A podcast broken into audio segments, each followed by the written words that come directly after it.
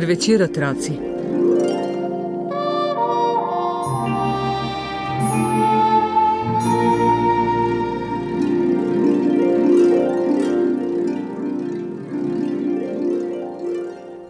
Na najvišjem boru sredi gozda je sedela veverica.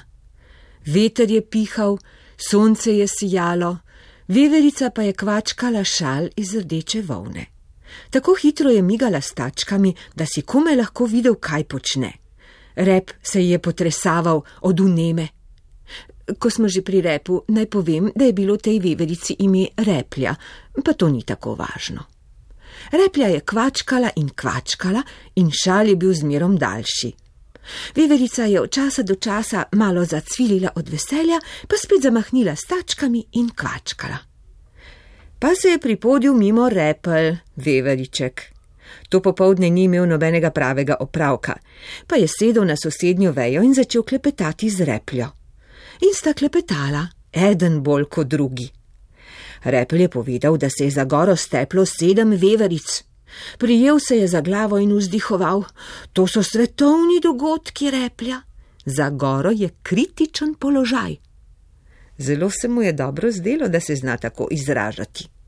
V gnezdu mu je bil namreč veter zanesel odtrgan kos časopisnega papirja in odtlej se je repel neznansko hvalil, da je naročen na časopis. Tudi zdaj je rekel: Se menda veš, da berem časopise in tam piše svetovni dogodki, kritičen položaj. Beži no, je rekla replja in še bolj zauzeto kvačkala. Ja, in še več, je skrivnostno povedal repel. Tam piše tudi situacija na bliž. Kako si rekel? se je zauzela veverica. Situacija na bliž, je šepnil repel. Pa nikomor ne pravi, veš. Ravno tam je časopis otrgan in tako ne vem, kaj se je še zgodilo, ampak že to je več kot dovolj. Oh, ta politika, je zmajevala z glavo replja in kvačkala vse hitreje in hitreje. Potem sta se pa še marsikaj pomenila, toliko je bilo novega. Sraka je šojinemu sinu izpulila najlepše pero in prisegala, da je njeno.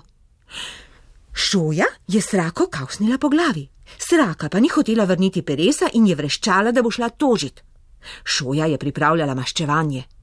No, pa imamo situacijo na bliž, je rekel Repel. In oba sta se razunemala in klepetala in klepetala. Replin šal pa je bil zmeraj daljši in daljši, segal je že do polovice bora, šesta klepetala in šal je segal že do tal. Repla je bila že pred tremi urami pozabila nehati in je še kar kvačkala. Zdaj se je rdeči šal živil po gozdnih tleh naprej in naprej, ni mu bilo več videti konca. Replja pa je še kar klepetala dokler se repel končno ni poslovil in odirjal, ker je bil že čas za malico. Med potjo se je obrnil in zaklical repli: Ali ne bo tale tvoj šal majčkeno predolg? In že ga ni bilo več. Replja se je osuplo ozrla po deblu navzdol. Majčkeno predolg, groza, še zaslona bi bil najmanj desetkrat predolg. Veverica je obupano vzdihnila. Potem je brž vzela rdeči klopčič in začela šal parati. Urno je navijala rdečo volno nazaj na klopčič. Hodila je po gozdu, hodila in parala, hodila in parala, šala pa še ni bilo konec, pa je še kar hodila in parala. Od časa do časa se je ustavila in jezno tokla stačico po tleh. Potem pa je spet hodila, parala in potem je bilo šala vendarle konec, že čisto na robu gozda, kjer je na njegovem koncu mirno ležala debela lisica in se je leno pretegovala. Veverici se je nasršil rep. Obstala je s klopčičem v šapah, požrla slino in rekla: Ali bi se hotela, prosim, umakniti z mojega šala? Lisica je počasi obrnila glavo in zagledala repljo. Glej, no, glej, je rekla in se nepremično zastrmela vanjo. Potem se je čisto počasi in zelo hudobno nasmehnila. Replja je spet požrla slino, ampak lisica tudi. pa sta se gledali. Prosim, če se umak, umakneš z mojega. Veverica je še enkrat požrla slino in glas je obtičal v grlu. Ali jaz? je nedolžno vprašala lisica in se spet nasmehnila. To je veverico čisto zares razjezilo. Ti je zacvilila in takoj. Lisica se je spet pretegnila in se začela delati, kot da spi. Pa ni spala, ampak je z enim očesom škilila na repljo. Ta se je opogumila in stopila za korak bliže. To je moj šal, je zaupila, pojdi stran. Zdaj je lisica skočila, da bi jo ham, ampak veverica je bila hitrejša. Ravno ko je lisica že mislila, da jo ima v kremplih in je hotela že sama sebi reči: Dober tek, se je replja pognala na bližnje drevo s klopčičem in ostankom šala v tačkah.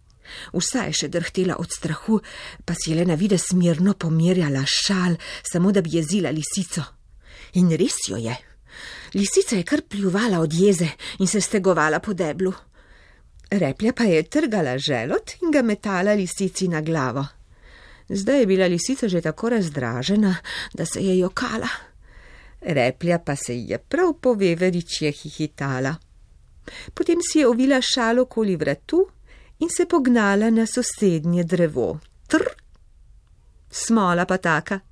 Nitka se je bila zapletla med veje in med repljenim skokom se je ostanek šala do konca razparal. Replja je pristala na drevesu samo z rdečo nitko okoli vratu. Zdaj pa se je smejala lisica. Oh, kako se je smejala! Valjala se je po travi in od krohotanja ni prišla do sape. Končno je odšla in se še dolgo ozirala. Tako je bila dobre volje, da je potem še ves dan govorila: Rira bien qui rira la dernier. To je po francosko in lisicam pristaja. Viverica replja se je hitro vrnila domov. Tam je sedela na vrhu bora in je bila čisto tiho, tako je bila žalostna. Spred je pridivjal repel, pognal se je k njej na vejo in zaklical: Kje imaš pa šal? Ga ni več, je posmrkala replja. A, kako to? Pusti me pri miru, jutri ti povem, naredi drugega, ne da se mi. Repel je nekaj časa premišljeval, kako naj jo spravi v dobro voljo, potem pa se je domislil: Veš kaj, napraviva gugalnico iz rdeče volne. Repli so oživele oči, sjajna misel. Naredila sta imenitno gugalnico in potem sta se gugala na njej vse do noči in sta se imela prav odlično. Ampak potem se je gugalnica utrgala in oba sta cepnila na tla. Čepela sta na tleh in se prepirala. Ti si kriv, ti si rekel, naj narediva gugalnico. Se nisem vedel, kako je tvoja volna za nič, butec, avša. In tako sta se razšla za vse dan. Pa je prišla skozi gost punčka, našla je kvačko in klopčič rdeče volne in si je naredila šal z resicami. Najlepši šal, kar jih je. In vsi, vsi so jo spraševali, Kje si dobila tak krasen šal? Punčka pa se je samo smejala in opletala z lasmi, ki so bili zvezani v rep. Zakaj ne odgovoriš? so jo spraševali ljudje. Zakaj samo opletaš s tistim svojim repom?